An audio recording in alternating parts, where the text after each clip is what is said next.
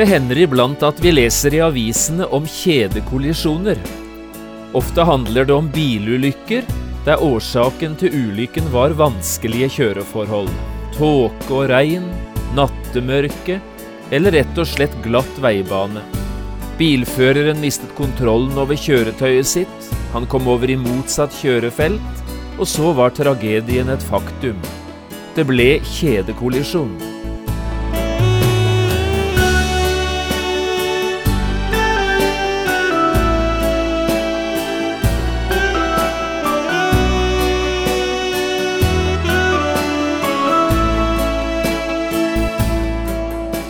Hjertelig velkommen til et nytt program i serien Vindu mot livet. Programmet er produsert av Kristen Riksradio og blir ledet av Jon Hardang. Dette programmet er produsert med støtte fra Havila AS.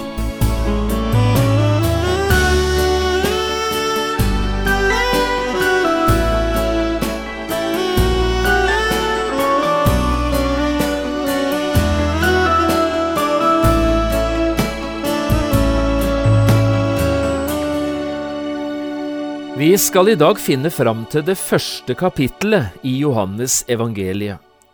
Mot slutten av dette kapittelet leser vi om hvordan Jesus kaller noen av sine første disipler, Andreas og Peter, Philip og Nathanael. Og det vi skal snakke sammen om i dag, det er litt av det som skjer nettopp i disse situasjonene, i møtet mellom Jesus og disse nye disiplene. Vi leser fra Johannesevangeliet i kapittel 1, versene 35 til 51. Jeg har kalt dagens program De møtte Jesus. Dagen etter sto Johannes der igjen og to av hans disipler. Da han fikk se Jesus som kom gående, sa han, Se der, Guds lam. De to disiplene hørte det han sa og de fulgte etter Jesus. Jesus vendte seg og så at de fulgte etter ham. Han sier til dem, Hva søker dere? De sa til ham, Rabbi, det betyr mester, hvor er ditt herberge? Han sa til dem, Kom og se. De kom da, og så hvor han hadde sitt herberge, og de ble hos ham den dagen. Dette var omkring den tiende time. Andreas, Simon Peters bror, var en av de to som hørte det Johannes sa, og som fulgte etter Jesus. Han finner først sin egen bror Simon og sier til ham, Vi har funnet Messias. Det betyr Kristus. Og han førte ham til Jesus. Jesus så på ham og sa, Du er Simon, Johannes' sønn. Du skal kalles Kefas. Det betyr Peter. Dagen etter ville Jesus dra til Galilea. Han finner Philip, og Jesus sier til ham, Følg meg. Philip var fra Betsaida, fra Andreases og Peters by. Philip finner Natanael og sier til ham, Ham som Moses har skrevet om i loven, og som profetene har skrevet om, ham har vi funnet, Jesus, Josefs sønn fra Nasaret. Natanael sa til ham, Kan det komme noe godt fra Nasaret? Philip sa til ham, Kom og se. Jesus så Natanael komme mot seg, og han sa om ham, Se, det er en ekte israelitt, en som det ikke er svik i. Natanael sa til ham, Hvor kjenner du meg fra? Jesus svarte og sa til ham, Før Philip kalte på deg, mens du var under fikentreet, så jeg deg. Natanael svarte ham, Rabbi, du er Guds sønn, du er Israels konge. Jesus svarte og sa til ham, Tror du fordi jeg sa til deg at jeg så deg under fikentreet. Du skal få se større ting enn dette. Og han sa til ham, Sannelig, sannelig, sier jeg dere, dere skal se himmelen åpnet og Guds engler stige opp og stige ned over menneskesønnen.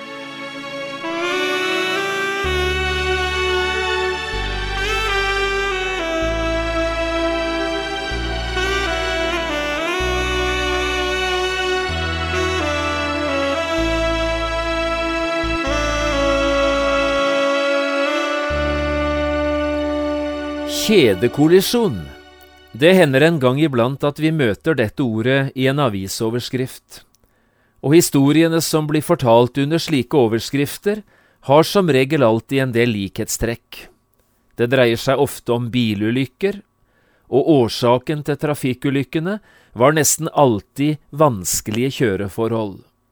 Det kunne være tåke og regn, nattemørke eller glatt veibane. Bilføreren mistet kontrollen over kjøretøyet, kom over i motsatt kjørefelt kanskje, og så var tragedien et faktum. Det ble kjedekollisjon. De vanskelige kjøreforholdene gjorde at heller ikke bilene som lå nærmest i køen, klarte å stoppe. Og så leste vi i avisene at flere personer var brakt til sykehus, noen var hardt skadet, og flere biler var totalvrak. Kjedekollisjoner har alltid store konsekvenser. Det gjelder både bilførere, passasjerer og selvsagt kjøretøyene. Og konsekvensene, de er alltid negative. Det er ingen av oss som ønsker å havne i kjedekollisjon. Dette er situasjoner vi aller helst vil unngå. Den bibelteksten vi har foran oss i dag, fra Johannes 1, forteller om kjedekollisjon og ikke bare én, men to kjedekollisjoner. De skjer på nøyaktig samme sted, to dager rett etter hverandre, og Jesus er innblandet i begge kjedekollisjonene. Den første dagen begynner det med døperen Johannes. Han ser Jesus komme gående, han dytter til to av sine disipler for å få dem til å følge etter Jesus. Jesus stanser og venter på disse to for å få dem i tale. Denne samtalen setter en av dem, Andreas, i bevegelse mot sin egen bror. Og så fører Andreas broren sin Simon til Jesus. Resultatet var at fem personer denne dagen ble innblandet i kjedekollisjon. Den andre dagen begynner det med Jesus selv. Han treffer Philip, som i neste omgang treffer Natanael. Og resultatet denne dagen var at to helt nye personer også ble innblandet i kjedekollisjon. Også kjedekollisjonene her i Johannesevangeliet får konsekvenser, store konsekvenser. Men disse er positive.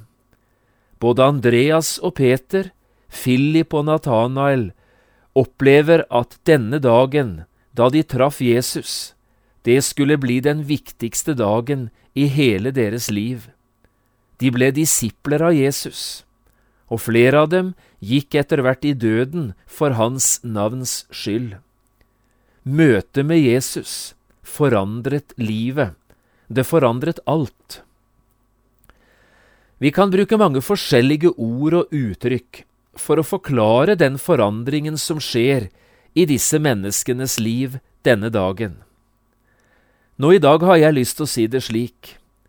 Disse menneskene møtte et kall. De møtte Guds kall, og dette kallet skapte total omveltning i livet. Og kanskje er det dette vi nå skal snakke litt mer om videre i dagens program. Hva er det å møte Guds kall? Og hvilke konsekvenser fører et slikt kall med seg i et menneskes liv?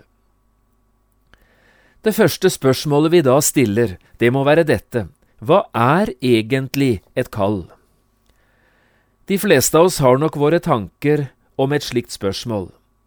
Et kall er det som får mennesker til å bli kristne, et kall er det som får ungdom til å bruke livet sitt på en bestemt måte.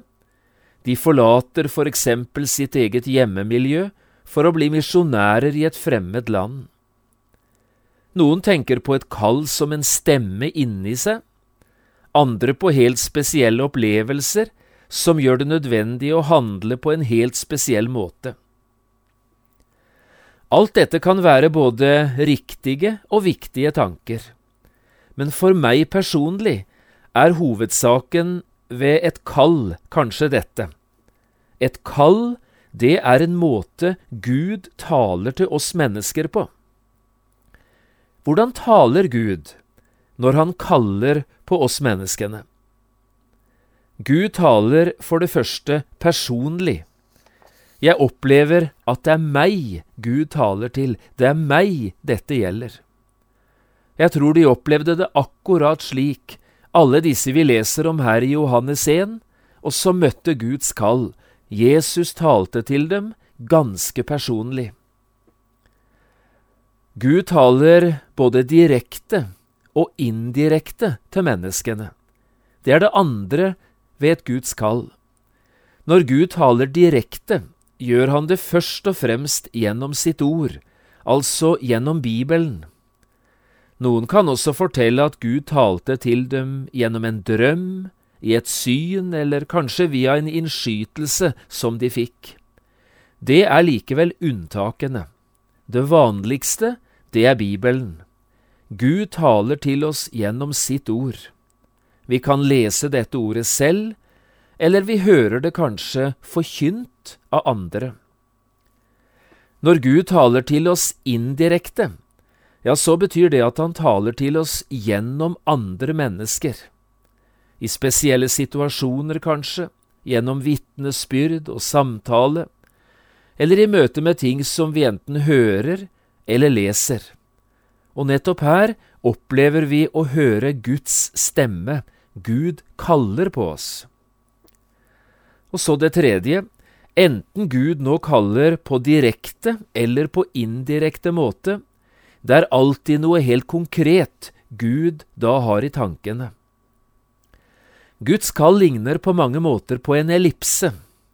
Ellipsen, det er altså denne flatklemte sirkelen som har to sentra. Gud kaller, og det er det ene sentrum, Gud kaller til frelse. Da er hovedordet kom. Og så kaller Gud til tjeneste. Det er det andre senteret. Da er Guds hovedord gå. Her i Johannes 1 ser vi at frelseskallet og tjenestekallet faktisk går hånd i hånd. Gud kombinerer sitt kom og sitt gå i en og samme situasjon. Hvordan møtte så disse disiplene Jesu kall? Ja, ser vi nøye etter, vil vi oppdage hvor forskjellig de egentlig møtte kallet. Og dette skal minne deg og meg om at ikke vi må få tenke for snevert om dette med Guds kall. Kallet lar seg egentlig ikke uniformere. Gud har mange veier til menneskehjertene. Noen møtte Jesus gjennom forkynnelsen av Guds ord, som vi allerede har nevnt det. Det var måten døperen Johannes gjorde det på. Han pekte på Jesus og sa, Se der Guds lam. Og hans forkynnelse denne dagen fikk vise to mennesker veien til Jesus. Slik forkynnelse har vi alltid bruk for, enkel og tydelig Jesusforkynnelse. Er du en sånn forkynner, en sånn veiviser til Jesus? Er du en av disse som kan lede andre mennesker til Jesus? Ved dine ord, i sang eller i tale, i samtale eller i vitnesbyrd. Andre møtte Jesus hjemme, altså i sin aller nærmeste familie. Det fikk Peter oppleve. Broren Andreas hadde selv møtt Jesus, og denne opplevelsen tok han med seg hjem, og delte den med sine nærmeste. Resultatet var at en bror førte sin egen bror til Jesus. Slikt er utrolig fint å se. Så viktig det er at også du og jeg er Jesus' ambassadører hjemme. I idretten er det som regel alltid en fordel med hjemmebane. I kristenlivet er det ofte motsatt. Det vanskeligste er å være kristen hjemme. Likevel, Prøv å være et vitne for Jesus akkurat der, for dine foreldre, for dine barn, for søsken, ja, for hele familien. For alle trenger de å få del i den frelsen som du selv har tatt imot. Så var det en del som møtte Jesus gjennom andre menneskers vitnesbyrd. Slik ble Natanael frelst. Philip, som selv hadde møtt Jesus, fant fram til Natanael og sa, Vi har funnet Messias, Jesus fra Nasaret. Kom og se. Dette er å være vitne. Det å vitne er jo å fortelle om det du selv har sett og hørt, og som angår saken. Vi kjenner uttrykket vitne fra rettssalen. Ting som ble sagt i en vitneboks, ble ofte helt avgjørende for utfallet av en rettssak. Saken er Jesus, lærer Bibelen oss. Et frelsesverk er fullført, en frelsesvei er åpnet, og du som selv har gått frelsesveien, så viktig det nå er at du forteller om den, er et vitne om den, for andre. Noen møtte endelig Jesus ganske alminnelige hverdager. Philip er eksempelet på det. Hva han egentlig var opptatt med den dagen Jesus kom forbi, det vet vi ikke. Kanskje han var på jobb, kanskje hadde han matpause, eller kanskje var han fri denne dagen og var hjemme. Vi vet ikke. Men en slik alminnelig hverdag ble altså Philip funnet og vunnet av Jesus. Fem mennesker fikk altså møte Jesus disse to dagene som Johannes 1 forteller om. Det er den samme Jesus de møter, men det er ulike sider ved Jesus de legger merke til. Men sammen løftes det fram et bilde, et fint og fargerikt bilde av Jesus. La oss prøve å legge merke til hvordan Jesus beskrives. For det første, Jesus beskrives som Bibelens hovedperson. Du husker hva Philip sa? Han som Moses har skrevet om i loven, og som profetene har skrevet om, ham har vi funnet, Jesus, Josefs sønn fra Nasaret. Philip kjente Jesus igjen fra sin egen omgang med Det gamle testamentet. Dette er utrolig viktig. Hvor møter vi Jesus i dag? Vi møter han i Bibelen, både i Det gamle og i Det nye testamentet. Og hvordan skal vi male et bilde av Jesus, slik at andre får se hvem Jesus virkelig er? Jo, vi skal male han slik Bibelen gjør det. Ikke lag deg dine egne Jesusutgaver. Hold deg til Bibelens Jesus, og forkynn denne Jesus for andre mennesker. For det er faktisk bare Bibelens Jesus som er i stand til å frelse folk. Det andre er dette, Jesus kjenner oss mennesker, og likevel vil han ha med oss å gjøre. Se, sier Jesus til Natanael, det er en ekte israelitt, en som det ikke er svik i. Natanael ble imponert, kanskje også litt skremt da han hørte dette. Hvor kjenner du meg fra?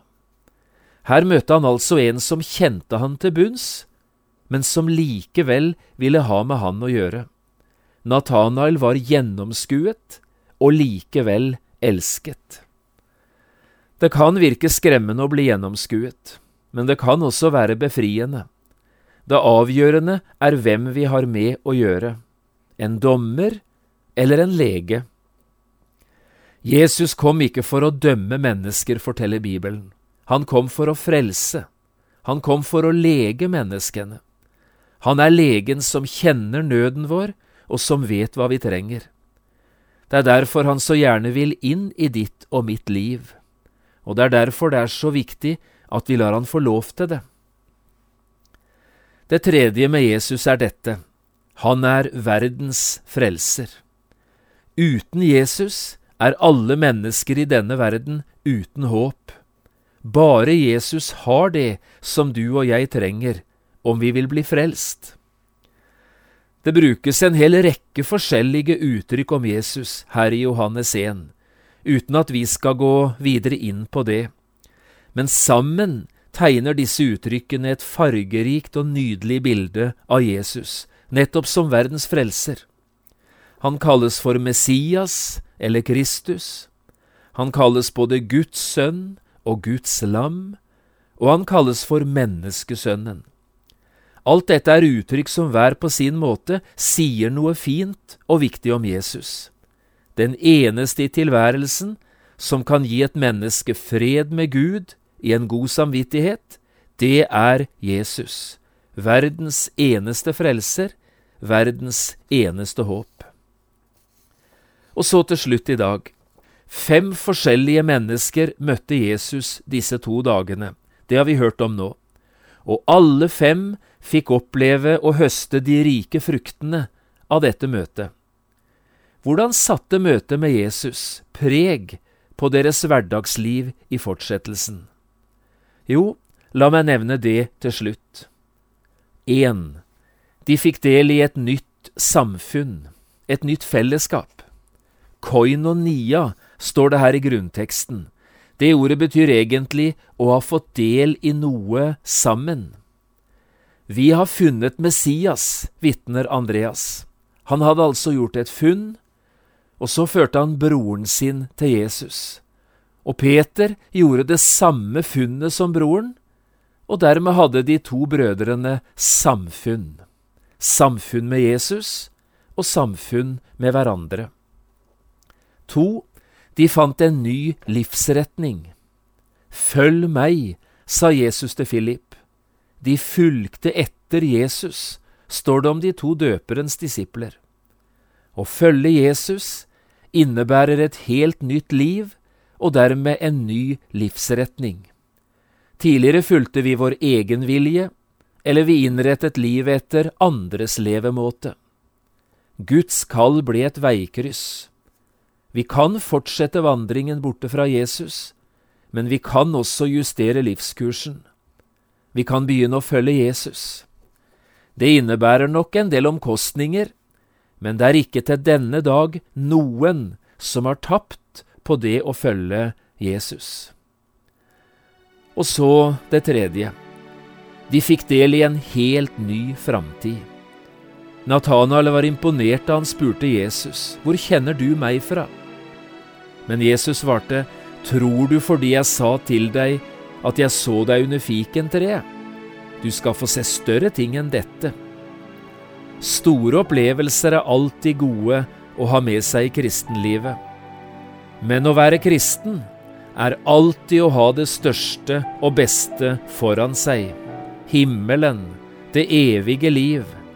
Det er kallets store og herlige mål.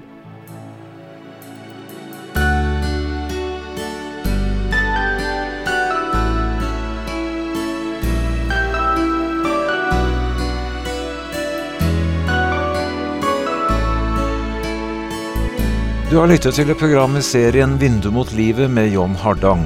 Programmene i denne serien kan også kjøpes på CD fra Kristen Riksradio, eller høres på internett på p7.no. Har du spørsmål eller kommentarer til det du nå har hørt, kan du ta kontakt med oss. Adressen er Kristen Riksradio, Skiene 2, 5353 Straume. Eller send en e-post vml alfakrøll p7.no. Takk for i dag, og på gjenhør.